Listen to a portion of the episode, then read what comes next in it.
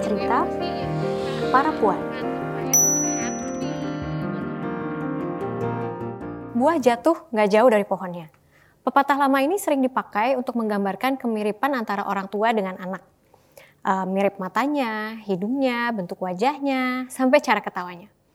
Tapi yang nggak banyak orang sadari adalah bahwa pola asuh kita terhadap anak juga nggak jauh beda dengan pola asuh orang tua ke kita akan jadi kabar baik jika pola pengasuhan yang dilakukan tepat dan sehat. Gimana kalau pola pengasuhannya yang terjadi ternyata toksik? Ya itu juga akan menurun.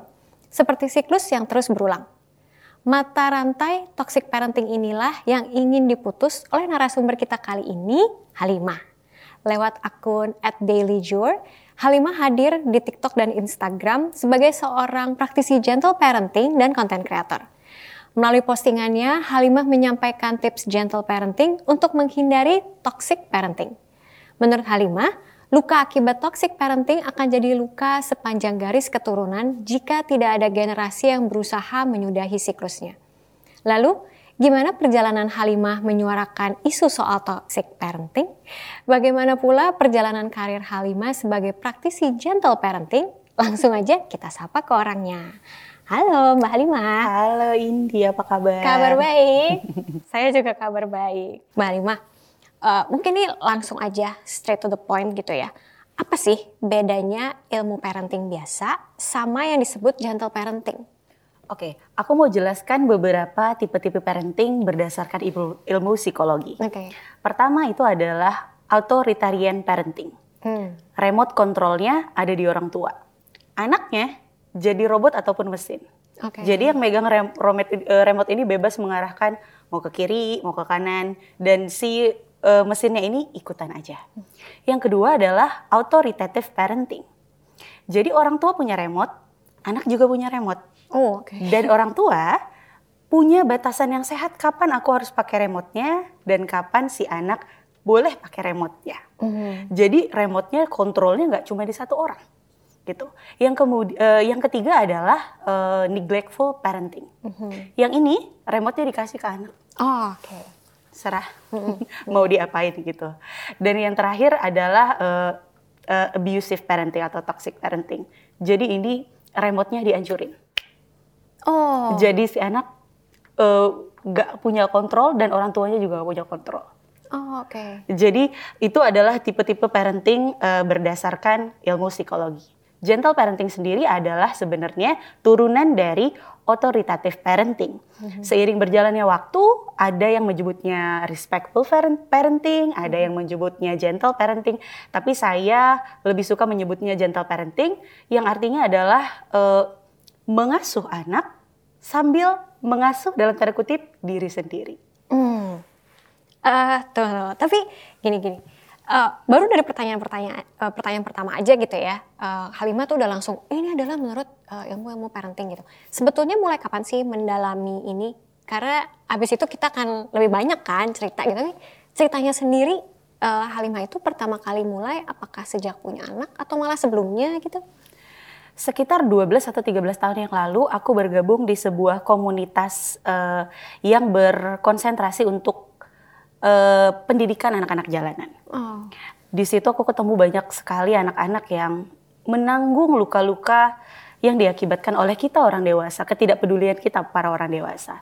Dari situ aku kayak bertekad uh, sepanjang hidupku mau apa pun posisiku, aku mau melindungi sebanyak mungkin anak yang aku hmm. bisa hmm. gitu. Jadi dari situ perjalananku sebagai aktivis, aku juga seorang guru, sempat jadi guru TK, eh, guru SMP kemudian sampai akhirnya jadi ibu. Jadi uh, aku di dunia anak-anak dulu hmm. baru jadi ibu. Jadi belajar parenting itu tuh uh, ketika aku jadi katakanlah aktivis ataupun relawan di sebuah komunitas itu. Oh, lalu akhirnya uh, tahu soal tipe-tipenya sendiri itu akhirnya lebih sejak uh, menjadi ibu. Uh, setelah iya benar setelah jadi ibu dan aku rasa bahwa parenting ini bukan memang secara natural instingtif akan muncul di setiap hmm. ibu gitu ya, hmm. tapi aku merasa perlu untuk memperdalam ilmunya. Jadi aku ambil uh, kursus singkat hmm. uh, dengan Profesor Alan Kazin. Beliau adalah ketua dari uh, Yale Parenting Center Yale University. apa yang sebetulnya membuat akhirnya kayak um, oke okay, aku uh, sudah jadi orang tua gitu ya uh, tapi akhirnya kayak enggak ini sepertinya adalah satu hal yang memang um, harus terus kudalami harus aku terus tambah lagi relevansinya aku harus tahu terus uh, padahal di luar sana kan juga banyak orang tua yang mereka belajar parenting juga loh sebenarnya hmm. gitu ya untuk sehari-hari hmm. tapi tidak sampai akhirnya terpikir buat apa namanya uh, bikin konten khusus mm-hmm. kayak uh, Halima gitu ya. Apa yang akhirnya ngedrive sampai ke titik yang ya satu dua langkah akhirnya lebih berbeda dari orang tua lain sebetulnya. Uh, jadi awalnya adalah ketika aku sadar uh, ketika aku mengandung bayiku yang kedua, mm-hmm. anakku yang bungsu, uh, aku didiagnosa depresi ketika hamil gitu. Oh jadi uh, sebenarnya waktu di anak pertama tuh aku enjoy gitu ya walaupun agak agak stres namanya jadi ibu gitu ya aku enjoy tapi uh, ketika hamil aku rasa kok aku berbeda nih ya aku uh, sampai kepada poin aku suka menyakiti anakku. Waktu itu bukan suka ya tapi kayak nggak sengaja nyakitin hmm. anakku. Aku ngerasa aduh ada yang nggak bener nih. Oke okay, aku ketemu sama psikolog karena aku ngerasa I have not been myself gitu. Terus aku ketemu psikolog dan psikolog bilang setelah beberapa terapi wicara ataupun uh, psikoterapi memutuskan bahwa ada yang nggak benar nih di sini. Jadi ada yang disebut zaman sekarang tuh lagi populer ya istilahnya inner child iya iya ya. jadi aku ngerasa bahwa aku harus pelajarin uh, teknik-teknik reparenting mm. untuk menerapkan teknik parenting yang tepat. Jadi apa yang bikin aku akhirnya one step further untuk bikin konten dan segala macam, memperdalami dunia ini karena aku basically pengen tunjukin ke orang-orang bahwa menjadi orang tua itu butuh ilmu yang aduh kompleks sekali, ya, ya. kompleks sekali. Kadang-kadang dengan niat baik aja nggak cukup. Kita kadang-kadang sebagai orang tua nih ngerasa saya tahu loh yang terbaik buat anak saya. Hmm. Saya yang ya, paling tahu buat yang terbaik buat anak hmm. saya. Enggak. Justru ketika orang tua ngerasa bahwa dia udah paling tahu apa yang terbaik buat anaknya, jebakan toxic parenting itu tuh di situ. Tunggu, tunggu, tunggu. Ini jadi seru ya, karena kalau bicara soal orang tua dan toxic parenting, uh, rasanya tuh kita kita bicara itu bisa macam-macam. Saya juga bahkan bisa sharing-sharing nih hmm. nanti. Uh, mungkin kita balik dikit aja nih Halimah, balik dikit ke masa akhirnya memutuskan jadi content creator. Uh, kita tadi sebelumnya sempat cerita-cerita, ternyata mulainya itu baru 6-7 bulan lalu. Bener. Bener gitu ya. Terus followernya tapi kan sekarang udah banyak, banyak yang follow gitu. Dan ternyata followernya uh, banyakan remaja. Bener. Nah itu itu menurut kalian itu kenapa? Jadi awalnya aku bikin video TikTok itu kayak ngerasa uh, oke okay, uh, apa ya ekspektasiku tuh rendah banget. Uh-huh. Aku cuman pengen bikin uh, sebuah kon apa account di mana para ibu-ibu bisa dapat bantuan tentang tips mengasuh anak sehari-hari follower 10-20 ribu tuh kayak nggak kebayang 10-20 hmm.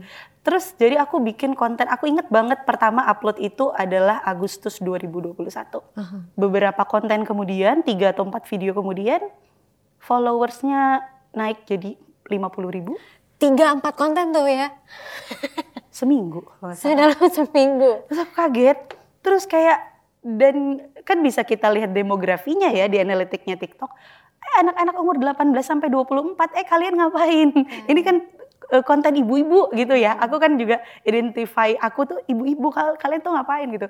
Dan makin ke sini meskipun yang aku jawab tuh uh, yang aku kasih konten itu tentang mengasuh anak, yang antusias tuh yang grup of anak 18 24 ini Oh, okay. Bahkan kan karena di TikTok itu kadang-kadang sosial media kan anak-anak ini cheating soal umur ya. Yeah, yeah. Ketika mereka reach out ke aku, "Kak, aku umur 15, aku nggak punya masalah bla bla bla bla bla." Bahkan ada seumur 13, aku punya masalah gini gini gini. Jadi, oke, okay, aku rasa ini adalah anak-anak yang nggak ketemu tempat cerita hmm. yang nyaman di rumah. Yeah, yeah, yeah. Hmm. Jadi nggak apa-apa kalau platformku ini jadi tempat mereka cerita gitu. Hmm. Akhirnya sekarang hampir 600 ribu di TikTok, di Instagram 60 ribu sekian. Dan rata-rata demografinya itu anak remaja. Hmm. Apakah itu juga yang akhirnya bikin lebih tajam ke cerita soal toxic parenting? Karena dalam seminggu, mm -hmm.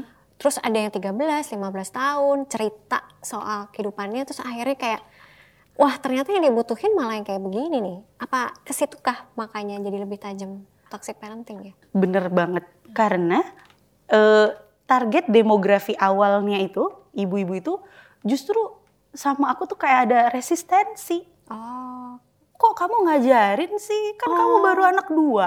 Ba baru ya? baru. Okay. Gitu kan. Ya, ya. kan kamu masih muda gitu ya, ya, kan. Ya. Maksudnya dibandingkan ibu-ibu yang senior gitu kan. Kamu masih umur segini, okay. kok ngajarin kita sih? Jadi kayak gitu ya. Jadi aku rasa aku akan berbicara kepada audiens yang mau mendengar gitu ya. ya. Karena nggak nggak e, kalau aku mendebat para ibu yang lain itu juga jadinya kontraproduktif kan. Hmm. Jadi aku mengusahakan siapa yang mau mendengar aja deh gitu. Tapi kalau karena udah resisten resistensinya aku rasa terlalu besar, aku bisa berbicara pada audiens yang lebih muda yang suatu saat mungkin akan jadi orang tua juga. Hmm. Ya udah, kita putus kita uh, break the cycle-nya dari sini aja. Jadi kita memupuk yang buat uh, generasi orang tua berikutnya gitu ya. Bener. Tapi um, kalau menurut Halimah sendiri gitu ya, melihat dari komentar uh, para ibu, anggaplah yang mungkin belum tercerahkan dengan ca dengan pola parenting berbeda lah ya, atau pola parenting yang malah dibutuhkan anaknya. Uh, kita tidak akan menjudge salah atau benar, tapi mungkin belum tercerahkan sampai ke titik yang sama gitu. Kalau menurut Halimah sendiri, memangnya uh, pendidikan parenting di Indonesia gitu ya. Bukan pendidikan kali ya, pola asuhnya sendiri di Indonesia saat ini eh, sampainya udah sampai di mana sih? Lebih banyak seperti ibu-ibu yang berkomen seperti itu kah? Atau sebenarnya udah ada barisan baru meskipun usianya sama? Ini agak menyinggung soal sosiokultural juga. Mm -hmm masyarakat kita adalah masyarakat yang berpikir bahwa menjadi orang tua itu kayak natural akan terjadi. Kamu punya anak, kamu udah jadi orang tua, nanti kamu belajar sendiri. Suka dibilang begitu kan -hmm. soalnya. -hmm. ya, ya. Padahal tuh gak kayak gitu. Okay. Uh, eh, di luar negeri, contoh katakanlah di Jerman misalnya, ketika kamu mau menikah, paling nggak kamu harus ikut kursus singkat dulu. Layak nggak kamu jadi orang tua? Mm -hmm. sanggup nggak kamu uh, secara fisik dan secara mental mendidik anak? Mm -hmm. gitu. Kalau kamu nggak dapat suratnya itu izinnya itu ya nggak bisa. Di Jepang juga kayak gitu. Oh. gitu. Jadi kita butuh izin pemerintah untuk memastikan kita ini orang tua yang baik. Di Indonesia nggak ada. Kalau kita hari ini mau nikah nih ke KUA nanti ada orang di KUA yang nanti ngasih kita oh nanti kalau dalam rumah tangga banyakin sabar ya, dalam pendidik anak banyakin sabar A B. C D, tapi nggak ada uh, apa ya semacam asistensi gimana cara jadi orang tua, gimana hmm. kita uh, menghadapi perubahan hormon kita nih sebagai ibu ini dari ujung sampai ujung ujung kepala sampai ujung kuku kan kita hormon semua ya. Yeah. Ketika kita hamil, bagaimana hormon kehamilan kita itu mengubah pola pikir kita. Mm-hmm. Ketika kita melahirkan, bagaimana hormon melahirkan, hormon menyusui itu bakalan mengubah pola pikir kita. Mm-hmm. Nggak ada yang ngasih tahu gimana cara mm-hmm. itu.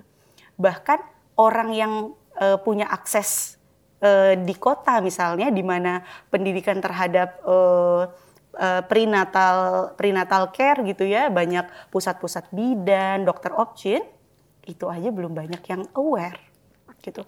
Jadi uh, boro-boro kita bahas soal parenting. Mm-hmm. bahas ketika ibu melahirkan anak aja nih banyak yang lalai. Mm, kayak kemarin ada ibu tiga orang uh, yang mem- membunuh tiga orang anaknya. Itu adalah postpartum depression yang nggak diobati dan dia dibiarin aja. Dan dibiarin Lalu aja. akhirnya dia disalahkan karena itu.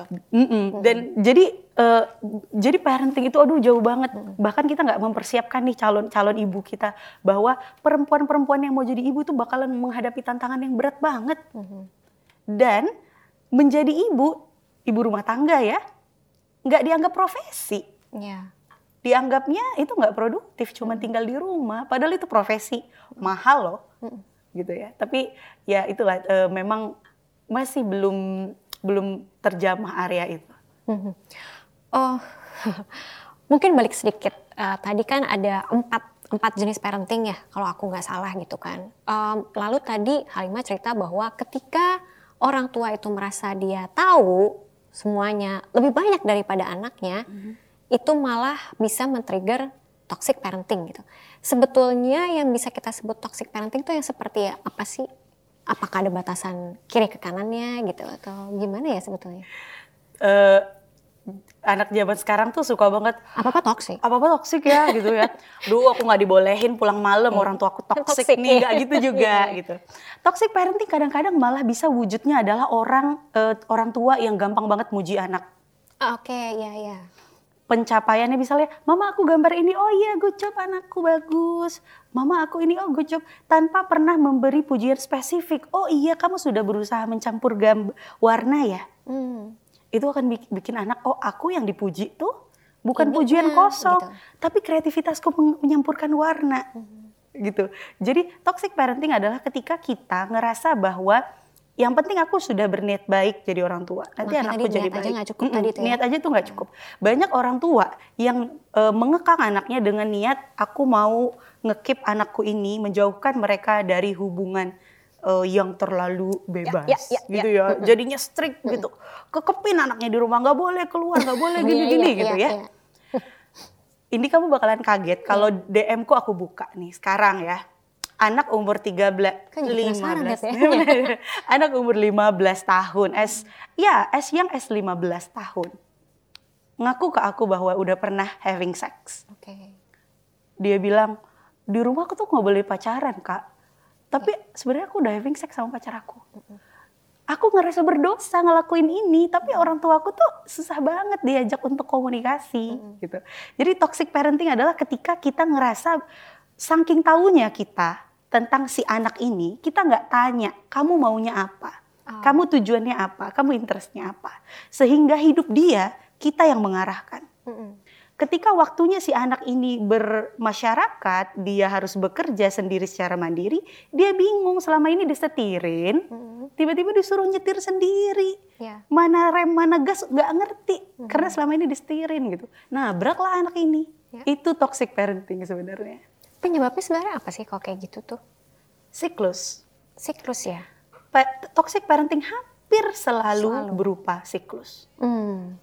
Kalau misalnya contohnya kayak gini, uh, contohnya mungkin dia adalah orang apa namanya dia adalah anak yang dulu orang tuanya itu malah tipe yang ya udah deh dikasih aja remote-nya kayak gitu. Tapi lalu dia mengalami apa namanya, oh ternyata kalau gue melakukan ini salah, oh ternyata kalau aku melakukan ini salah sehingga akhirnya malah ke anaknya dia lebih protektif mm-hmm. dibanding orang tuanya ke dia. Mm-hmm. Nah, apakah itu bagian dari siklus juga atau akhirnya dia kayak ada variabel berbeda tuh? Bener banget Indi, itu siklus, itu iya, salah satu siklus. siklus ya? Itu tetap siklus. Misalnya gini, orang tua yang waktu kecil dibesarkan dengan keadaan ekonomi yang sangat susah, mm-hmm. sampai dia mau beli mainan apa, mau beli jajanan apa nggak sanggup. Ketika dia berusaha, akhirnya jadi orang orang yang berada dan dia punya anak, dia cenderung kasih aja deh. Kasih aja semua. Aku waktu kecil gak bisa beli kayak gini semuanya. Anaknya tunjuk apa beli, anaknya oh, tunjuk okay. apa beli. Itu juga jadinya permissive parenting, di mana remote controlnya dikasih ke anak. Mm -hmm. Padahal harus dua nih yang megang remote, remote control gitu. Itu juga termasuk siklus. Kalau misalnya, um, kalau misalnya Halimah sendiri gitu, um, apakah pernah mengalami sebentuk toxic parenting mungkin uh, dari orang tua sehingga akhirnya merasa uh, ini juga sangat penting banget buat kita putus atau memang semuanya itu berdasarkan dari audience yang didapat di DM DM itu. Oke. Okay. Aku mau disclaimer dulu. Disclaimer dulu. Banyak yang mikir bahwa aku tuh benci sama orang tuaku karena aku oh, sering okay. secara open uh, ngasih tahu apa yang terjadi di masa kecil aku. Hmm. Aku sama sekali nggak nggak benci sama orang tuaku. Uh, bahkan sampai saat ini uh, apa ya di masa tuanya aku yang apa ya taking care of uh, financially hmm. membiayai hmm. orang tuaku nggak sama sekali nggak nggak ini nggak uh, benci. Tapi ketika kita mengetahui, mengidentifikasi apa yang salah dengan pola asuh orang tua kita, itu sebenarnya adalah bagian dari usaha kita untuk memperbaiki kualitas hubungan kita. Hmm. Oke. Okay. Gitu ya. Itu angle yang bagus loh buat melihat situasi. Iya. jadi jadi kalau kita mau ngobatin luka nih, salah satu langkah pertamanya adalah kita akuin iya kita luka ya. Mm -hmm. Kalau ini pura-pura enggak kok nggak sakit, iya. gimana yeah. mau diobatin? Mm. Ditunjuk iya ini luka. Ini luka karena dulu dipukul ataupun kena gores ataupun kena cakar. Kita identifikasi kenapa lukanya baru mm. kita obatin. Jadi waktu kecil ini agak lucu sih orang uh, ibuku baik banget aku tahu ibuku hatinya mulia sekali, tapi mungkin kecapean karena ayahku adalah tipe yang agak-agak avoided secara emosional, uh, emotionally unavailable kata yeah. anak zaman sekarang yeah, mah, yeah, yeah. nggak ada di rumah gitu ya. yeah, yeah. Uh, terus orang tua uh, apa ibuku itu sering uh, mencurahkan ekspresinya tuh berlebihan di depan aku, di depan anak-anaknya, sehingga kami tumbuh sebagai anak-anak yang nggak boleh nih. Kalau kita ngeluh, ibu lebih ngeluh. Kalau kita sedih, ibu lebih sedih. Kalau kita marah, ibu lebih marah. Ya. Jadi kami bertiga tumbuh jadi anak yang nggak hmm. mau nunjukin emosi kami. Hmm. Aku pernah beli nasi goreng dan aku nggak bisa makan pedes. Terus aku bilang ke masnya, mas nasi goreng satu nggak pedes ya? Oke. Pas lagi goreng nasi, itu sambal abrek-abrek dimasukin ke pesenanku. Aku pengen bilang, mas nggak pedes, nggak berani. Karena oh. aku sering dibentak kalau menyampaikan. Efeknya ke situ ya. Kalau eh, karena anak yang di, sering dibentak mm -hmm. ketika menyampaikan sesuatu akan tumbuh jadi anak yang takut berpendapat. Mm. Ini yang nyebabin kenapa ada anak-anak kalau mau tanya sama gurunya di kelas gemeteran duluan. Yeah, yeah. Padahal guru itu memang tugasnya adalah untuk ditanya-tanya. Mm -mm tapi mau nanya guru tuh aduh rasanya gemeteran gitu aduh berat banget mm-hmm. gitu. Jadi dampaknya tuh sejauh itu. Pernah lihat juga situasi di mana ada satu anak waktu kecil tuh dia super ceria lompat sana lompat sini. Tapi pas udah besar terus dia lebih cool lebih tenang um, beda lah gitu. Terus orang sekitarnya bilang ih kamu sekarang kalau udah gede lebih lebih diem ya lebih ini ya. Usut punya usut waktu kecil dia emang dikit-dikit nggak eh, ah, enggak. Lama-lama akhirnya dia. Ya udah gue gue diam-diam aja. Itu toxic itu uh, toxic parenting itu nggak ngefek uh, nggak ngefek langsung bikin anak saat itu juga shut down. Bisa ke depan bisa ketika dia remaja. Biasanya ketika dia umur 13 12 wah. Aduh itu baru keluar. Itu kenapa yang bikin masa remaja banyak banget yang rebel.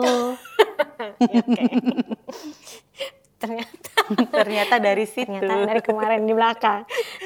Nah, kalau misalnya soal Halimah sendiri, tapi pernah mengungkapkan nggak ke orang tua akhirnya mungkin pas udah sekarang-sekarang gitu atau pernah nggak sih akhirnya Bu in order to apa ya dalam rangka dalam rangka memperbaiki hubungan memperbaiki, tadi memperbaiki hubungan tadi dan ketika aku didiagnosa waktu itu uh, depresi mm -hmm. ketika hamil salah satu proses damai yang harus aku tempuh adalah memang berdamai dengan orang tua sih akhirnya dipaksa Akhirnya, keadaan ya uh, uh, dipaksa keadaan tapi uh, tapi kalau kita ini adalah orang yang udah sembuh ya hmm. ketika kita ngobrol itu tuh emang udah nggak ada udah nggak ada ledakannya lagi. Hmm. Ketika ngobrol sama orang tua aku tuh kayak ayah, aku paham loh kenapa ayah kayak gituin aku dulu. Karena ya waktu kecil juga digituin ya sama datuk ya, kami kan hmm. orang Melayu ya. Yeah. Datuk dulu keras banget. Hidup di zaman waktu itu ayahku di zaman yang susah banget. Waktu itu baru-baru kemerdekaan dan datukku itu juga dulu uh, tentara. Keras banget. Keras, ya. Gitu. Jadi ayahku tuh juga waktu kecil uh, kesehatannya kurang baik sempat uh, apa kejang otot waktu bayi dan meninggalkan cacat sampai dia gede. Jadi ayah aku paham mm-hmm. ayah ngelewatin masa lalu yang berat banget sehingga ayah nggak sebaik itu ketika menjadi orang tua gitu. Uh, aku cuma nyampaikan ini bukan untuk bikin ayah sedih ya semata-mata. Aku mau cuman mau sampaikan aja bahwa apa yang udah kita lewatin itu udah lewat ya. Aku udah maafin hmm. gitu. Dan semoga dengan restu ayah aku jadi orang tua yang lebih baik wow oke okay. dan kalimatnya bukan kalimat seperti yang kita bayangkan kalau kita ngomong orang tua ya mm-hmm. biasanya kita bayanginnya kita akan ngomong abis dulu uh, papa begini sih mm-hmm. tapi yang Halimah bilang tadi kan kalimatnya mm-hmm. berbeda ya mm-hmm. aku paham gitu mm-hmm. tapi sebelum nyampe ke uh, aku paham ya marah dulu, dulu ya. tapi it's okay. and it's okay makanya aku nggak pernah mau membantah ketika anak-anak remaja ini datang ke aku bilang aku benci banget sama mamaku aku nggak bantah itu adalah proses dia untuk nanti sadar hmm. bahwa apa yang dilakukan oleh orang tuanya adalah bersumber dari luka orang tuanya sendiri. Nah, Halimah, tadi kan DM DM penuh, hmm. uh, usia mereka muda, terus apa namanya kadang tuh mereka mengeluarkan uh, omongannya tuh masih dalam keadaan marah dan seterusnya berarti kan mereka sebenarnya lagi rapuh-rapuhnya ya hmm. um, kalimah itu kan kalau nggak salah juga membuat uh, menginisiasi lah lingkar aman hmm. nah itu boleh ceritain dikit gak itu apakah dibentuk sesudah mendapat DM DM hmm. dan cerita-cerita atau memang sudah terpikir dari sebelum-sebelumnya hmm. Uh, bener. Jadi aku kepikiran setelah aku punya banyak DM. Karena DM-nya agak mengkhawatirkan. Hmm. Anak-anak tuh udah sampai ada, tahap, aku tuh kalau marah aku pukulin kepala aku ke tembok. Gitu. Uh. Eh, itu self harm sayang. Yeah, yeah. Jadi kayak bahkan anak-anak ini nggak tahu kalau mereka sudah melakukan self harm. Hmm. Di mana kalau udah self harm itu, itu tuh kamu udah dalam tahapan meskipun aku nggak boleh mendiagnosis yeah. ya, tapi kalau kamu diagnosis kayaknya hampir pasti deh mm-hmm. kamu punya sesuatu, mm-hmm. gitu. Karena mereka mikir bahwa soalnya aku dari kecil ngeliat ibuku gitu, kalau marah mukulin kepala, jadinya aku kayak gitu kak. Aku kira itu normal semua orang kalau lagi marah mukulin kepala, mm. gitu. Itu usia berapa ya sih? SMA. Oh, oke, okay. Eh, oke, okay. SMA gitu. malah yang kayak gitu. Oke, okay, oke. Okay. Dan dan juga ada beberapa yang kayak self harm itu sangat sangat samar. Mm. Suka gigitin kuku sampai kuku grepes, yeah. itu dalam buku psikologi itu self harm loh. Mm. Garuk-garuk, suka garuk-garuk. Jadi kalau panik, kalau panik sampai ininya luka yeah, gitu yeah. ya, itu self harm. Jadi nggak nggak melulu self harm itu harus nyilet-nyilet atau mm -mm. melakukan tindakan bahaya. Hal-hal kecil kalau kita udah uh, stres makan berlebihan, itu self harm. Oke. Okay. Gitu. Jadi kalau udah kayak gini dan orang-orang, yuk mau nggak aku bantu ke psikolog gitu ya di DM? Mm kakak tapi kok kan nggak gila gitu.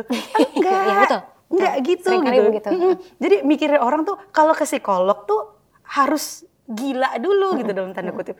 Padahal sama kayak kita ke rumah sakit nggak ada aib kok kalau kita pergi ke psikolog. Just to make sure kita baik-baik aja gitu. Dan akhirnya aku menginisiasi lingkaran aman ini bersama beberapa teman psikolog beberapa teman dokter dokter spesialis adiksi karena adiksi adalah satu salah satu problem yang banyak banget yeah. dihadapi anak remaja dan adiksinya nggak cuma narkoba atau alkohol gitu ya adiksi film porno, mm-hmm. adiksi rokok dan segala macam. Mm-hmm. Jadi kita bikin lingkaran aman ini uh, untuk memfasilitasin yang kayak gini-gini. Tujuan awalnya hanya edukasi aja dulu. Oke. Okay. Keputusannya apakah mereka setelah diedukasi mau membawa ini ke tingkat yang lebih serius itu kita serahkan kepada orangnya. Oke, okay. kepada orangnya atau juga kepada orang tuanya? Kalau misalnya mereka usianya di bawah 17 atau 18, berarti kan mereka terhitung anak ya. Mm -mm. Nah kalau misalnya mau diajak buat yuk kita uh, psikolog dan seterusnya, mm -hmm. uh, lingkaran aman akan melakukan apa tuh Halimah? Apakah menghubungi orang tuanya atau? Aku biasanya approach ibunya. Oh, Oke. Okay. Walaupun tanggapannya nggak selalu bagus ya, ya tapi ya, kayak ya. kan kita jadi penasaran ya. Hmm, kita punya masalah. Uh, mungkin adiksinya macam-macam tadi. Uh, adiksi termasuk. Tapi ketika hubungannya dengan toxic parenting, apakah hmm. lalu uh, berarti didekati ya? Tetap Adiksi itu hampir selalu akarnya parenting kok. Oh gitu. Oke. Okay. Jadi ini dokter spesialis adiksinya yang yeah, bilang. Yeah. Jadi dari 10 dari 10 uh, kasus adiksi yang dia tanganin, mm -hmm. delapannya itu karena parenting. Meskipun misalnya kayak, aduh, uh, aku uh, minum karena aku habis diputusin sama pacarku, tetap aja kemungkinan besar root cause-nya itu karena parenting. Mm -mm. Wow. Habis putus, minum-minum, itu karena ada yang sesat, ada yang salah dengan coping mechanism kamu. Oke, okay. ya, ya, sama halnya dengan rokok, sama mm halnya dengan lain. Hmm, oke. Okay. Dan coping mechanism itu terbentuk soalnya waktu dia dari kecil. Oh, oke okay, oke okay, oke. Okay. Lalu gimana tadi kalau menghubungi ibunya? Uh, ada satu ibu yang kekeh. Nggak mungkin anak saya itu, anak saya soleha banget. Ya, gitu. Ya. Ibu pernah buka nggak ini uh, uh, lengan Lengannya. baju anak ibu? Ada di dalamnya ada apa? Gitu ya. Coba ibu lihat dulu bu. Hmm setelah ibunya lihat banyak bekas-bekas baru deh nangis. Mm -hmm. Kenapa ya anak saya kenapa dia baik banget loh penurut banget nggak pernah bantah. Ya. Bu, itu ya, itu kunci itu ya, ya. Nggak sehat kalau hmm. anak ibu nggak pernah ya, bantah. Ya, ya, ya. Anak itu, nih fitrah anak itu ya waktu dia kecil fitrahnya nangis. Mm -hmm. Kalau anaknya nggak tantrum nggak nangis, ada yang salah dengan tubuh kembangnya. Oke. Okay bayi aja kalau dilahirkan dalam jarak 30 oh, detik iya, iya. nggak nangis, dokternya waduh. Iya. gitu Cuma, ya. iya, iya. Itu kayak tanda, Tuhan kasih tanda-tanda. Hmm. Anak itu fitrahnya nangis dan membantah. Kenapa dia membantah? Bukan karena nakal. Jadi ada sesuatu di sini yang uh, wayarnya itu lagi saling connect. Mhm. Proses dalam connect. Ketika wayarnya itu proses saling connect, itu akan membuat uh, anak itu logiknya mengarah ke sana sini sana sini dan mempertanyakan logik Iya. orang tuanya. Mm-mm. Bahwa yang punya logik dan aturan bukan kamu aja tapi aku juga. Gitu. Kenapa enggak? Kayak gitu ya.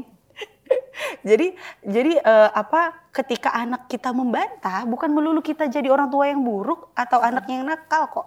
Itu adalah sebuah proses sehat di mana harus kita terima sebagai latihan resolusi konflik, Mhm. coping mechanism di situ. Lalu kalau udah ibunya seperti tadi, Mhm. akhirnya eh, jadi mengkonseling eh, ibu dan anak. Mm-mm. Kita ngobrol Oke. bertiga. Aku pernah dapat satu case yang akhirnya kita ngobrol bertiga nangis-nangisan kayak eh, ibu jangan berpikir bahwa ibu orang tua yang jahat ya bu. Justru ibu orang tua yang baik karena satu mengakui bahwa ini terjadi. Orang tua banyak orang tua yang udah ngelihat anaknya semenderita apa pun masih in denial banyak. Banyak banget loh anak-anak berkebutuhan khusus yang akhirnya nggak dapat penanganan karena orang tuanya malu bawa anaknya ke tempat terapi. Banyak banget gitu. Padahal bisa ditolong case anaknya itu, tapi malu anak gue bukan anak kebutuhan khusus bukan gitu, bukan autis. Wah anak autis banyak banget yang nggak dapat pertolongan yang semestinya mereka dapat gara-gara orang tuanya malu. Hmm, malu di, dibawa keluar rumah juga mungkin dia malu dengan tetangga Mm-mm. Eh, atau mungkin malah sama keluarga sendiri ya. Mm-mm. Dan in denial itu juga bikin kualitas hidup orang tuanya menurun loh. Karena kalau kita nggak handle autism itu dari kecil banget, seiring anak ini membesar, simptomnya kan makin meledak-ledak. Ada hormon eh, nanti dia pas eh, pubertas, wah urusannya kan ke mana-mana. Iya iya. Gitu. Sebetulnya lebih banyak eh, anak perempuan atau anak laki-laki sih yang menghubungi Halimah atau yang ada di lingkaran aman? Ini agak unik. Iya. Banyak anak laki-laki. Oh gitu. Kenapa unik berarti? Karena anak laki-laki di masyarakat kita kan dipaksa untuk mendam perasaan mereka. Anak Iya. laki-laki kok nangis Iya. sih? Cowok kok nangis? Iya. Mm-mm, Oke. gitu ya. Kan iya. Kamu kan cowok, jangan nangis. Kayak aku pernah bikin konten bahwa anak laki-lakiku bahkan aku sarankan untuk menangis. Mhm. Kamu pengen nangis nggak? Gitu ya. Setiap kali dia ngelakuin, pengen nangis nggak? Sini mama peluk, pengen nangis nggak? Bahwa nangis itu adalah sesuatu yang wajar untuk mengungkapkan emosi. Dan kalau kalian anak cowok terlalu banyak neken emosi, jadilah kalian para bapak-bapak yang emotionally avoidant. Ini kenapa para bapak-bapak suka overwork, overplay, ya suka nggak mau pulang, pengen yang ngegame nongkrong sama teman-teman, karena dia menjauhi emosi-emosi yang ada di rumah, Mhm. menjauhi komplainan ibunya hari ini aku capek, menjauhi anak yang tantrum, karena anak laki-laki nggak dibiasakan untuk ini emosi, embrace it, ini nggak apa-apa, ini bagian dari kita sebagai manusia. Tapi anak laki-laki itu dia diajarkan untuk ini emosi buang, Mhm. itu namanya laki-laki jantan gitu. Jadi ketika banyak anak laki-laki yang DM aku, wah seneng banget sini, ayo cerita. Iya. Gitu. Kita bahkan uh, sampai dari titik untuk maksa. Oke. Pernah satu kali lingkaran aman itu bikin webinar yang ikut nggak boleh perempuan, Oh gitu. laki-laki. Justru ya Harus harus laki-laki. Mm-mm, Hmm. Kita paksa. Hari Ibu waktu itu temanya. Oke. Tapi kita nggak mau ada ibu-ibu di sini, bapak-bapak yang ikut. Iya, iya. Terus curhat mereka. itu susah banget. Biasanya lingkaran aman tuh kalau bikin webinar ah, 200 gitu Iya. ya pesertanya. Ini cuma 15. Tidak tidak merasa perlu soalnya kadang ya. Heeh. Ya, kayak nggak apa-apa gitu. Akhirnya aduh ini 15 doang yang daftar gimana ya? Yaudah deh ibu-ibunya boleh masuk deh gitu nyerah juga Iya. akhirnya. Tapi nggak apa-apa, ada bapak-bapaknya gitu ya. Dan si bapak-bapak ini juga kayak terus gimana dong? Nanti kalau anakku nggak dipukul lembek dong Oke. gitu Iya, ya. iya, iya. Nanti gimana dia ngadepin dunia yang keras kalau aku nggak keras? Gitu. Gimana? Gimana caranya aku mencontohkan bahwa dunia ini nggak nggak se nggak melulu seperti maunya dia? Mhm. Aku bilang, "Bapak, kalau anak Anda mau dihindarkan dari kecelakaan lalu lintas, yang benar dia kita bekalin dengan helm dan kendaraan yang baik atau dia kita tabrak tiap hari untuk latihan kecelakaan?" Karena yang Bapak Iya. lakukan adalah Bapak latihan nabrak. Tiap Iya, hari tuh anak ditabrak supaya terbiasa nanti kalau ketabrak beneran gitu. Oh Iya. iya betul gitu. itu ilustrasinya bagus banget ya. Langsung, oh ternyata efeknya kayak gitu ya. Iya gitu. Apakah nanti ke depannya eh, lingkaran aman akan lebih banyak juga apa namanya membantu anggota atau para laki-laki atau sebenarnya lebih fokus ke perempuan sih? Sebenarnya fokusnya kita perempuan. Ibu-ibu ini kerjanya berat banget ketika pola asuh itu dibiarkan 100% urusan ibu. Iya. Saya kan yang cari uang, kamu ngurus anak, nggak bisa gitu. Psikolog yang di di lingkaran aman bilang, "Eh, anak-anak yang ditanganin itu mostly 70-80% punya masalah sama bapaknya loh. Hmm. Cewek-cewek bucin Ya, ya. yang kalau uh sa- udah cinta tuh menyembah gitu aduh cintai aku dong diselingkuhin dipukulin balik lagi balik lagi itu karena dia nggak dapat gambaran ideal laki-laki baik dari bapaknya Iya, iya, iya. gitu jadi in order mau nolongin para perempuan laki-lakinya juga harus kita involve Hmm. Ah, lalu tambah ada tambahan-tambahan peran lagi juga nggak sih yang dilakukan lingkaran aman buat anggota-anggota perempuannya gitu misalnya? Ada lagi nggak sih selain yang tadi Kalimah ceritain? paling kita menyediakan support system untuk si ibu-ibu ini saling curhat sih Oke. kadang-kadang memang mendapatkan support system yang sehat di lingkungan rumah tuh susah. Perempuan terbiasa dibiarkan berkompetisi. Kompetisi yang agak aneh. Ibu sering banget ngerasa bahwa anak perempuannya itu adalah saingan. Ah, oke. Banyak ibu-ibu yang nggak seneng loh ngelihat anaknya disayang sama bapaknya. Ngerasa bahwa karena itu ya iklim di mana perempuan itu diharuskan bersaing sama perempuan lain untuk mendapatkan laki-laki sebagai sumber rezeki, sumber perlindungan, Sumber perhatian. sumber perhatian, sumber cinta. Padahal mereka nggak harus berkompetisi, tapi iklim kita tuh kayak gitu, Mhm. gitu. Jadi mertua dengan menantu Menantu. perempuan, Betul, ah itu adalah wah seru banget ceritanya. Iya, Tapi eh, untuk dapat support system yang sehat bagi perempuan tuh susah banget mbak. Mhm. Jadi akhirnya di, di lingkaran aman ini ya udah di sini tempat kita yang beneran aman. Kita membentuk lingkaran di sini adalah support system yang sehat di mana kamu nggak akan dijudge berdasarkan apa pun yang kamu lakukan Mhm. gitu. Jadi bener-bener kita fokusnya adalah untuk kasih ruang untuk mendengarkan. Mhm. Karena susah banget loh minta untuk didengarkan sekarang tuh susah banget. Sampai pada titik banyak perempuan-perempuan yang oversharing di medsos. Karena dia tidak didengarkan di, di kehidupan nyata. Bener.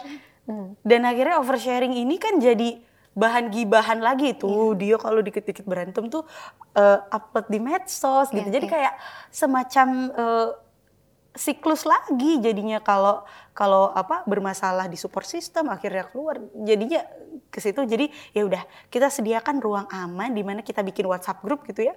Sekarang tuh ada beberapa batch yang isinya ya satu batch tuh hampir 150 gitu ya. Ya udah saling saut-sautan aja. Kalau kalian berpikir untuk mau nyakitin diri kalian, ada unek-unek, udah chat sepanjang-panjangnya, mau teriak di voice note, Heeh, iya. silahkan gitu. Oh oke oke. Lalu bagaimana caranya sih memastikan supaya nggak ada yang saling judging? Karena judging itu kan kadang agak tipis-tipis ya. Kayaknya kadang-kadang kita berpikir bahwa kita lagi berusaha uh, encouraging, tapi kok ternyata sisi sebelah sana merasa dia agak kayak di digurui. Itu gimana caranya sih memastikan gitu? Eh, biasanya nanti yang akan menanggapi curhatan di situ tuh adalah profesional, Oh, psikolog Ya, gitu ya, ya. ya. Kadang-kadang nanti aku bakalan masuk, tapi aku juga nggak terlalu banyak involve untuk eh, ini ya. Karena kalau orang butuh didengar itu ya udah didengerin aja kok, nggak nggak nggak serta merta minta solusi. Gitu. Ya benar benar. Dan meskipun itu di grup WhatsApp sebetulnya masih tetap tertampung sebenarnya ya keinginan untuk didengar itu. Walaupun memang bukan secara menyeluruh menyelesaikan masalah gitu ya, paling enggak menahan ibu untuk hari ini neriakin anaknya. Aha. menahan ibu untuk hari ini mukul anaknya lagi. Kita lakukan yang kecil-kecil ya bu. Kemarin kapan terakhir kali ibu teriakin anak? Tujuh hari yang lalu. Ayo challenge ya bu. Bisa ya sampai 10 hari. Ya bisa ya karena semakin lama kita mengasah ketahanan kita untuk nggak melakukan kekerasan hmm. kita tuh semakin terlatih loh hmm. mengelola emosinya gitu ya jadi setiap hari kita challenge ayo bu gitu tapi kalau suatu saat relapse balik yeah. lagi mentak anak nggak apa-apa ya hmm. kita coba lagi dari awal hmm. gitu yang penting rekornya makin lama makin iya, iya, panjang yeah, yeah, yeah, gitu yeah. tapi itu tanggapannya kayaknya bisa bisa kawan puan tiru juga ya yang nonton atau yang dengerin gitu ya bahwa kalau misalnya ternyata ada yang relapse mm -hmm. bukan malah ya atau kayak apa gitu ya tapi nggak apa-apa bilang nggak apa-apa ternyata nggak apa-apa ya? Nggak apa-apa dan gini loh jang, uh, para orang tua kalau misalnya udah kelepasan marah sama anak jangan kabur. Mm. kalau kelepasan mukul anak bentak anak jangan kabur. Stay di situ. Mm-hmm. tarik nafas tenangkan diri lalu minta maaf banyak orang tua yang mukulin anak terus minta maafnya nanti pas anaknya tidur ngelihat aduh yeah, yeah, anaknya yeah, iya, kasihan yeah, yeah. nih minta maaf ya nak gitu. Nggak denger anaknya bu. Hmm. jadi uh, ketika kita marah kelepasan menenangkan diri dan minta maaf kita akan kasih contoh yang baik ke anak kita bahwa oh orang tuaku tuh manusia dia bisa marah tapi marahnya dikelola. Hmm. Marah itu bisa jadi tenang kan? Kemudian uh, setelah tenang bisa minta maaf. Hmm. Seperti itu. Dan itu sebenarnya bagian dari respectful parenting tadi nggak sih? Benar, itu dari bagian dari respectful atau gentle parenting tadi adalah being gentle to yourself. Hmm. Dan anak itu akan belajar juga ya bahwa being gentle itu ternyata nggak apa-apa. Nggak apa-apa. Nggak gitu. harus selalu kuat setiap saat. Mm -mm. Dan dan itu yang bikin anak-anak kita sekarang uh, rentan terhadap abuse di dunia kerja disuruh lembur gitu. Nggak apa-apa aku harus kuat gitu ya. Kakinya udah tremor. Iya, iya, iya, nggak apa-apa aku meeting lagi meeting lagi. gitu, gitu. Ya. kayak uh, uh, hustling ya hustle, culture, hustle ya gitu. Kayak semakin lama aku di kantor aku adalah manusia yang lebih baik Hero, daripada heroism, manusia lain. iya gitu. Kayak ngerasa bahwa your self worth nak mm -hmm. uh, pantas atau tidaknya dirimu nak bukan dihitung dari berapa jam kamu kerja. Mm -hmm gitu. Selesaikan kewajibanmu, setelahnya itu kamu boleh jadi manusia lagi kok mm -hmm. gitu. Jadi uh, being gentle itu ini endingnya adalah menciptakan sebuah masyarakat yang menghormati batasan satu sama lain. Kita ini udah hmm, itu udah nggak punya batasan hmm. lagi sekarang gitu. E, ketika kita punya media sosial, siapa yang sharing ini, kemudian kita rame-rame bully, kita udah nggak punya batasan lagi. Hmm. E, endingnya ini adalah menciptakan masyarakat yang tahu batasan. Hmm, ya itu benar. Dan para ibu tuh sangat butuh batasan ya. sangat butuh bener. batasan. Oke lima, kita punya games. Gamesnya itu adalah games pernah atau nggak pernah. Jadi jawabnya sepertinya mesti jujur dan cepat. Pertanyaan pertama, pernah atau enggak nangis bareng sama anak? Pernah. Wah, itu apa tuh? Ada cerita? Setiap tantrum, nangisnya bareng, tantrumnya bareng. tantrumnya bareng, uh, bareng, hmm. terus endingnya cool downnya bareng. Itu namanya uh, co-regulation. Oh oke, okay. co-regulation. Iya. Yeah. Karena meregulasi lagi. Iya, yeah, regulasi emosinya bareng-bareng. Jadi kita contohin caranya gimana. Oh oke, okay. wah dari games kita belajar sesuatu. Pertanyaan kedua, pernah atau enggak kencan berdua sama suami setelah punya anak? Sering. Ah, du, apa frekuensinya? uh, minimal seminggu sekali. Minimal seminggu sekali. Selain dari itu pernah lebih atau pernah hari itu enggak? Uh, karena kita percaya bahwa anak-anak yang bahagia dibesarkan oleh orang tua yang bahagia. Jadi sering-sering pacaran. Sering-sering pacaran. itu tips oke. Okay. Pertanyaan ketiga, pernah atau enggak salah gendong anak orang lain? Sering. itu gimana bisa begitu? jadi di apartemen, aku tinggal di apartemen, jadi di taman itu ada satu anak yang keritingnya mirip banget kayak anakku yang kecil. Jadi aku dia lagi lari, aku tangkep. Eh bukan anakku. Terus ibunya gimana? Ibu, eh, mbaknya waktu yang jaga panik, ibu itu bukan Ayuna gitu. Oke, okay. yang berikutnya, pernah atau enggak merasa menyesal jadi ibu? Pernah And it is okay. It is okay. Ya. Yeah. Uh, so ibu-ibu, para perempuan jangan ngerasa diri kita jahat kalau kita eh, nggak uh, happy dengan keadaan kita. It is a very normal apa ya cycle. Kadang-kadang hmm. kan kita ada up and down-nya ya. Kadang-kadang kita nggak suka, nggak suka bukan artinya kita uh, bukan artinya kita benci sama anak kita, tapi hmm. ya yeah, it's just lagi down aja gitu. Mm -hmm. Dan biasanya itu terjadi ketika apa sih? Ketika misalnya aku dan suami memang secara sadar dan uh, apa ya uh, secara sadar dan memang apa uh, adil gitu ya memutuskan bahwa uh, aku ber, uh, aku nggak kerja kantoran yang 9 to 5 mm. karena anak-anak kami kebetulan punya kebutuhan yang khusus uh, di mana dibutuhkan ada shadow therapist tadi mm gitu ya.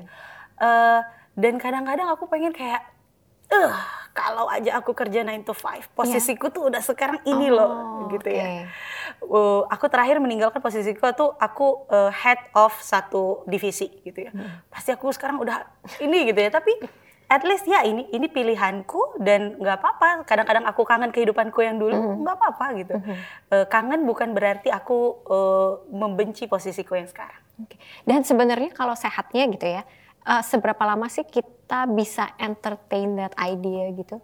Hmm, sebenarnya gini, jangan berpikir bahwa kalau pikiran itu sering kali datang itu adalah sebuah penyesalan yang berlarut-larut. Gitu. Hmm. Bahwa kalau pikiran itu datang, terima. Oh. Udah embrace it as a part of our journey gitu. Uh, nanti juga akan datang lagi kok masa-masa bahwa oh iya nggak sia-sia ya mm-hmm. gue ninggalin itu untuk ini gitu. Dan untuk ibu-ibu yang memilih karir dibandingkan stay sama anaknya, jangan jangan ini juga gitu.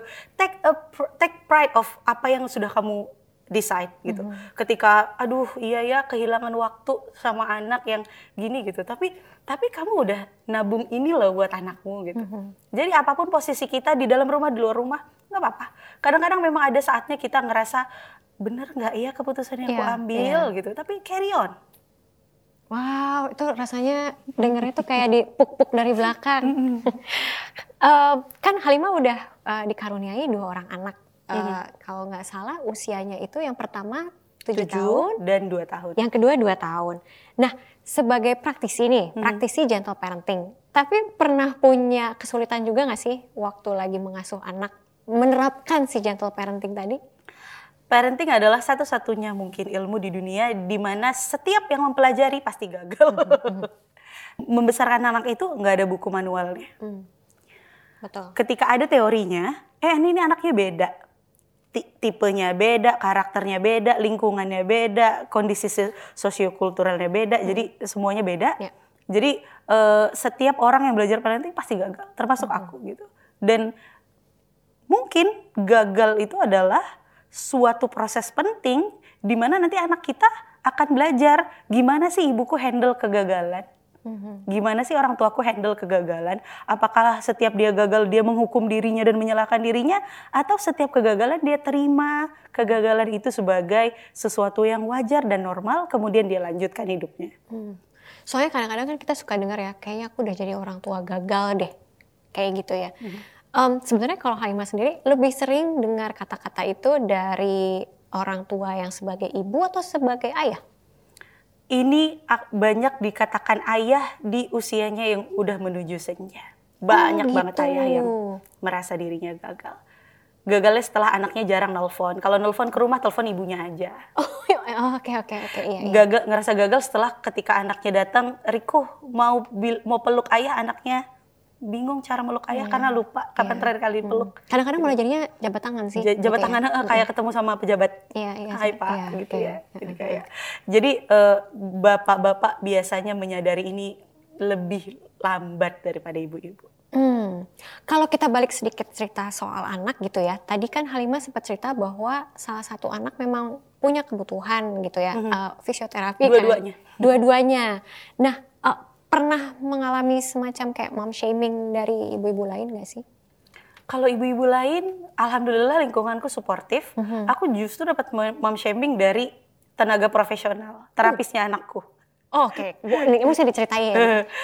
Dan ini ya ibu-ibu, terutama ibu-ibu yang punya anaknya dikasih kelebihan sama Allah ya. Kadang-kadang mm -hmm. uh, profesi dokter itu adalah profesi yang langka di Indonesia. Kita kekurangan dokter kan, hmm. dokter dokter spesialis anak apalagi. Ketika dokternya ngomong ketus sama kita, please jangan down langsung mentalnya, hmm. karena mungkin mereka ngadepin ratusan pasien dan capek akhirnya jutek gitu yeah. kesannya. Waktu itu ketika aku bawa anakku untuk mendapatkan diagnosa speech delay-nya, dokternya bilang gini, nggak yakin bisa ngomong bu anaknya. Kita coba aja deh, tapi saya nggak yakin, gitu.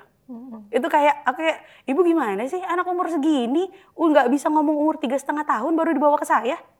Gitu. Oh. Itu dari seorang dokter. Yeah. Kalau waktu itu aku memutusin oke okay, ngapain juga ya gitu hmm. terus nggak mau ke dokter, anakku yang bakal jadi korbannya. Tapi kayak dah dikuat-kuatin gitu ya uh, bahwa apa pun yang dikatakan orang perjalanan ini adalah milikku dan milik anakku. Jadi hmm. lanjut gitu. Tapi pendapatnya Halimah sendiri ya soal mom shaming, hmm. sepertinya sekarang nggak tahu apakah hmm. sekarang karena uh, media sosial gitu ya. Jadi kayaknya rasanya tuh lebih lebih tebel uh, lebih kenceng gitu mm-hmm. uh, apa namanya yang seperti itu pendapat Halimah sendiri sebetulnya gimana sih? Mom shaming itu muncul dari ibu yang gak happy sama hidupnya. Mm-hmm. Padahal dia seakan-akan kayak lebih tahu lebih gitu ya. tahu. Uh, mungkin dia benar lebih mm. tahu, lebih banyak ilmu, lebih senior gitu ya. Tapi dalam pengaplikasian uh, apa yang menurut dia bagus tadi dia itu stress stress out aduh hmm. capek banget jadi ibu yang sempurna gitu ya sehingga dia merefleksikan hmm. stres ini ke ibu-ibu lain kayak lo kok kayaknya lebih happy jadi ibu ayo stres juga kayak gue hmm. Hmm. hmm. secara nggak sadar tuh itu kayak gitu kita mengkritik orang uh, terhadap pilihan-pilihan seperti ASI atau formula, yeah, yeah. Uh, lahiran perpaginam atau nih harus kita hilangin nih. Yeah. Lahiran normal atau sesar. Yeah. Semua lahiran itu yeah. normal. Selama artis, anaknya ya. dikeluarin ya. ya. Selama anaknya dikeluarin itu normal. Kecuali yeah. anaknya dikeluarin lewat mulut, mungkin nggak normal gitu ya. Tapi kayak udah pervaginam atau sesari, ya udah kayak gitu. Pervaginam atau sesar gitu kan. Cuman beda ininya, beda arah keluarnya aja gitu ya. Hmm. Gitu. Jadi ibu-ibu yang merasa terlalu stres atau terbebani dengan motherhoodnya, akhirnya shaming other mother kayak gitu. Terus gimana kalau kasusnya itu adalah mertua kita? Probably ibu mertua kita adalah ibu yang gak happy banget, hmm. gitu. Dan itu pasti. Karena gini, uh, zaman orang tua kita, mereka membesarkan suami kita, gitu, generasi kita dengan susah payah, kondisi ekonomi yang berat, hmm. ketika ini anak sudah berhasil, sudah punya penghasilan, sudah tumbuh jadi manusia yang seperti dia bayangkan, dia harus dalam tanda kutip melayani dan menyenangkan perempuan lain. Sakit gak? Iya, iya. Gitu. Harusnya gue yang menerima gue. Ini kan dari ini, membesarkan gitu ya. Ini kan tanaman yang aku susah payah tanam. Kenapa yang panen rasanya orang lain? Kenapa yang panen rasanya oh, orang lain? Okay Coba bayangkan kalau kita sebagai ibu nggak ngerasa tan nanem, mm-hmm. bukan nanem, membesarkan anak itu bukan nanem. Membesarkan anak itu ya kayak bertumbuh, aku bareng sama dia gitu. Dan suatu saat kalau dia sudah tumbuh ya sudah, aku senang ngeliatin dia tumbuh, bertumbuh gitu. Jadi nggak nggak ngerasa bahwa aku harus memanen sesuatu dari dia. Ah, itu itu sebenarnya mindset yang apa namanya masih banyak itu masih banyak nggak diterima ya? Mm -mm, karena biasanya orang tua itu kan beneran beneran dia beneran berpikir bahwa dia menginv dia invest mm ya lewat anak. sehingga kalau anaknya sudah besar kadang-kadang um, keluar tuh perkataan kayak uh, apa namanya ibu bayarin kamu sekolah mm. dari dulu. Seakan-akan kita kita beneran give backnya itu nggak pernah kelar gitu. Mm -mm, dan nggak salah give back itu. Mm -mm. gitu. Selama, selama? kondisinya adalah kita memang dari hati pengen mam ini loh yang udah mama kasih, aku kasih balik ya ke mama, bukan kayak mana? Kasih balik. Iya, iya. Ya. Nah, gitu. Jadi beda ketika orang tua itu uh, meminta gitu ya, menekan anak untuk mengembalikan, beda dengan anak yang tumbuh dengan happy, mm -hmm. gitu ya. Anak yang tumbuh dengan happy, buah yang dia tumbuhin itu lebih banyak. Jadi mm. dia membagi-baginya cukup ya, ke orang ya, tuanya, ya. ke istrinya, mm. ke anaknya. Dia bagi-baginya cukup hmm. gitu. Kalau anak yang tumbuh nggak happy, buahnya sedikit. Karena kosong ya. Kosong. Ya, ya. Dan yang minta banyak. Iya, iya, iya. Sandwich generation. Jadi iya, kayak benar benar benar. Nah, kalau Halimah sendiri kan sangat apa namanya encouraging orang untuk uh, punya support system bersama nih ya hmm. orang tua dan anak. Hmm. Tapi kalau kamu sendiri gitu misalnya um, di saat-saat inilah gitu ya memang hmm. lagi ada rasa rasa kok kayaknya ada negativity ya, kok kayaknya aku ada yang kurang. Biasanya curhatnya ke siapa? Suami udah pasti karena yeah. sebagai partner gitu ya. Tapi aku secara reguler ngobrol ke psikolog. Oh, Oke. Okay.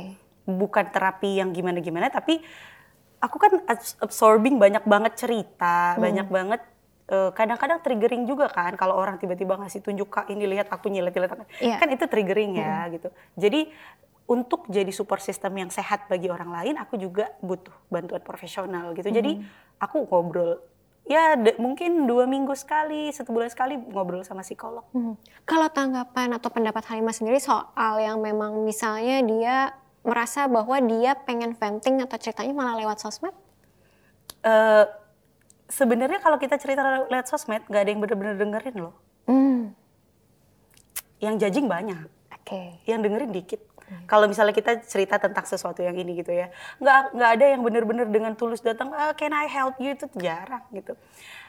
Bagi orang yang di masa kecilnya jarang didengarkan, ke sesudah besar dia akan gampang terbuka sama orang asing baru kenal hai, oh diceritain. Lima menit kita udah tahu ya, semua. vulnerability-nya dikeluarin semuanya. Ini uh, apa akar-akar anak yang gampang diculik Oh oke. Okay. Ya. Yeah. Celahnya di, di, dia dia ceritain semua karena nggak pernah didengar. Mm-hmm. Itu tuh kayak dia tuh kayak gelas yang terus-terusan diisi, lu ber dia tuh pengen mm-hmm. ngisi ke tempat lain gitu. Mm-hmm. Karena gelas emosi kita itu diisi dibuang, diisi dibuang kayak gitu. Sebetulnya kak kan uh, orang tua itu kadang juga harus membagi diri dan waktunya ya untuk mm-hmm. mendengarkan anak, melakukan pekerjaan, mm-hmm. uh, me time buat dirinya. Mm-hmm. Kalau kalau misalnya anaknya mau bercerita, tapi hmm. memang orang tuanya lagi di kondisi yang waktunya memang mungkin lagi nggak ada situasinya lalu nggak ada juga. Hmm. Sebaiknya harus dilakukan bagaimana sih? Apakah depending depending dulu ceritanya hmm. hmm. itu nggak apa-apa? Hmm. Atau memang harus didengarkan saat itu juga? Hmm. Navigate situasi kayak gitu tuh gimana ya? Hmm it is very okay untuk mengajari anak kita batasan waktu dan menghormati waktu orang lain. Oh, oke okay. Okay. Kalau kita lagi nggak bisa, bilang pertama validasi dulu perasaannya. Hmm. Mama tahu kamu seneng banget ya pengen ceritain ke mama ya. Tapi mama sekarang lagi kerja. Selama dan kasih tahu dia directionnya apa yang harus dia lakukan sebelum kita punya waktu. Hmm. Gimana kalau adik mandi dulu? Dan mama selesaikan dulu kerjaan mama. Hmm. Selesai adik mandi wangi, mama hmm. selesai kerjaan, hmm. kita cerita ya, kita ketemu jam segini ya di kamar ya, hmm. gitu. Atau misalnya hari ini seharian kita nggak punya waktu, dek kayaknya seru deh nanti malam sambil kita uh, peluk-pelukan di tempat tidur kita cerita tentang hmm. ini, boleh ya sayang ya, gitu. Jadi boleh kok kita ajarin anak untuk menghargai waktu kita. Hmm, dan memiliki boundaries tadi itu ya. Oke mm oke, okay, okay. itu itu tips bagus tuh. Ada tips lagi nggak? Mungkin uh, parent uh, tips parenting mungkin bahkan untuk yang baru akan punya anak, mm -hmm. baru akan mau menikah, mm -hmm. ada tips berbeda nggak? Oke, okay. ini yang bakalan dibutuhkan banget. Oke, okay. menghadapi anak menangis. Banyak yang mikir bahwa ketika anak menangis itu anak harus dibikin diem. Hmm. Salah. Yang harus dibikin diem emosi kita yang di dalam. Aduh, ini anak kenapa lagi nangis? Apalagi sih udah disuapin, udah dikasih makan, udah ini kenapa masih nangis gitu yeah, ya. Yeah. Nah, ini yang harus disuruh calm down. Anaknya mah biarin aja nangis. Karena anak itu kalau dia belum belum puas nangisnya, kita bilang adik mau apa? Wah makin tinggi nadanya. Mm-hmm. Adik mau ini enggak? Lebih tinggi nadanya. Jadi ini dulu di dalam dulu di calm down. Oke, okay. tarik nafas dulu. It is very okay sebelum kita consoling anak, kita tarik nafas dulu biarin dia nangis. Selama dia nangisnya nggak sambil mentokin kepalanya ke tembok, yeah. apa-apa. Gak, it's okay to stay back, tenangkan diri. Oke, okay, aku nggak boleh ngadepin ini dengan dengan emosi. Aku harus datang dengan tenang datang ke anak dengan nada serendah mungkin. Mm. Karena anak kalau nangis nadanya tinggi. Yeah. Kita datang harus nada, adek, kenapa sayang? Harus rendah banget nadanya. Nanti anaknya bakalan nyadar, oh aku ketinggian nih ngomongnya. Sama kalau misalnya kita lagi ngomong, suara kita kekencengan, terus yeah. teman kita gitu. Mm. Kita langsung turunin mm. nada ya. Yeah. Nanti anak juga belajar kayak gitu. Jadi jangan berusaha untuk mendiamkan anak karena anak itu nangis itu cara dia minta tolong, cara dia untuk minta bantuan, cara dia untuk mengekspresikan emosi, cara dia untuk rilis stres. Hmm. Jadi nangis itu sebenarnya bukan untuk didiamkan. Oke. Okay. Gitu. Yang harus kita tenangkan adalah diri kita. Ketika kita datang ke dia, kita datangnya itu membawa solusi. Hmm. Gitu. Oke. Okay. Duh, Halimah ini seru banget ngobrol-ngobrolnya. Ada nggak uh, mungkin yang Halimah pengen kasih tahu ke kawan puan gitu ya? Karena kan Halimah mengalami juga um, dari dulu sampai sekarang kadang perempuan sama perempuan ini uh, rasanya tuh kayak kita harusnya menjadi support system satu sama hmm. lain. Hmm. Harusnya kita bisa saling mendengarkan satu sama lain, tapi masih banyak lah yang kita perlu perbaiki gitu. Hmm. Mungkin ada yang uh, pengen dikasih tahu nggak sih, kasih tips atau mungkin mengajak hmm. uh, perempuan supaya saling bisa mendengarkan lah. Oke, okay. uh, saling mendukung ya. Jadi ibu itu bukan kompetisi, bukan tentang anak siapa yang paling lama menyusuinya S1, S2, S3, ASI bukan tentang anak siapa yang berat badannya lebih pipi bayi siapa yang pipinya lebih gembul mm-hmm. bukan tentang anak siapa yang dapat juara apa ini adalah sebuah perjalanan panjang yang nanti akan terus mengikuti kita sampai ini anak dewasa paling enggak dia bisa mandiri dan menjalani kehidupannya sendiri so slow down kalau ibu gagal misalnya dalam tanda kutip gagal lahiran normal. Ada yang aduh menghukum diri dia, aku nggak sanggup lahiran normal. Aku bukan wanita seutuhnya gitu ya. Let it go. Proses melahirkan itu cuma satu dari ribuan elemen semenjadi ibu. Masuk ke berikutnya. Jadi lanjutkan saja. Dan ketika perempuan lain perjalanannya nggak sama dengan kita, perjalanan dia lebih mudah gitu ya. Oh aku kan lahirannya makanya kamu rajin jalan pagi dong kayak hmm. aku lahirannya jadi bisa normal gitu jangan samakan uh, keadaan tubuh psikologis dan juga uh, sosiokultural di sekitar kita jadi ketika kamu melihat seorang perempuan yang sedang tampak bermasalah, sebenarnya nggak banyak loh eh, yang dituntut untuk kita bisa lakukan untuk menjadi super system. Satu aja, mendengarkan itu mungkin akan menjadi penyelamat hari itu. Mungkin kalau ada seseorang yang mau mendengarkan uh, seorang ibu di Brebes kemarin, dia nggak akan membuang anaknya ke sumur hanya karena dia nyesel udah ngasih susu formula ke anaknya. Bayangin coba itu susu formula bukan racun loh, gitu. Dengarkan saja. Mendengarkan mungkin adalah sebuah skill yang udah terlalu lama dilupakan. Kita ajarin anak kita public speaking, kita ajarin anak kita copywriting. Listeningnya kapan? Hmm. Gitu. Jadi itu tadi penting banget untuk mendengarkan.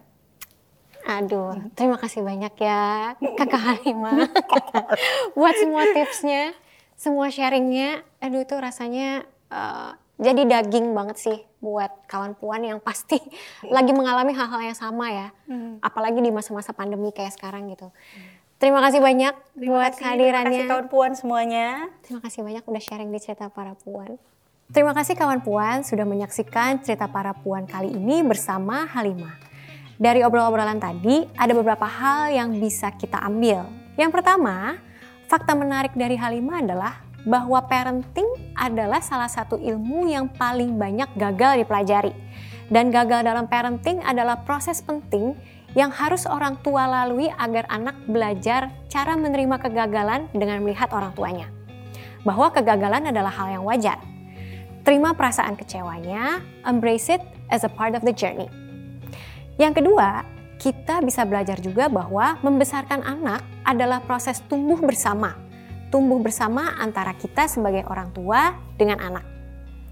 Yang ketiga, jika perjalanan ibu lain beda dengan perjalanan yang kita lewati, hargai saja perbedaannya. Dengarkan ceritanya untuk mendukung perjuangannya sebagai sesama perempuan. Terima kasih banyak kawan puan sudah menyaksikan cerita para puan kali ini. Jangan lupa subscribe, tinggalkan komen kalau mau tanya-tanya lagi ke Halimah atau mau tanya-tanya tentang parenting dan pastikan uh, nge-like video-videonya cerita para puan. Kita ketemu lagi di episode berikutnya. Bye!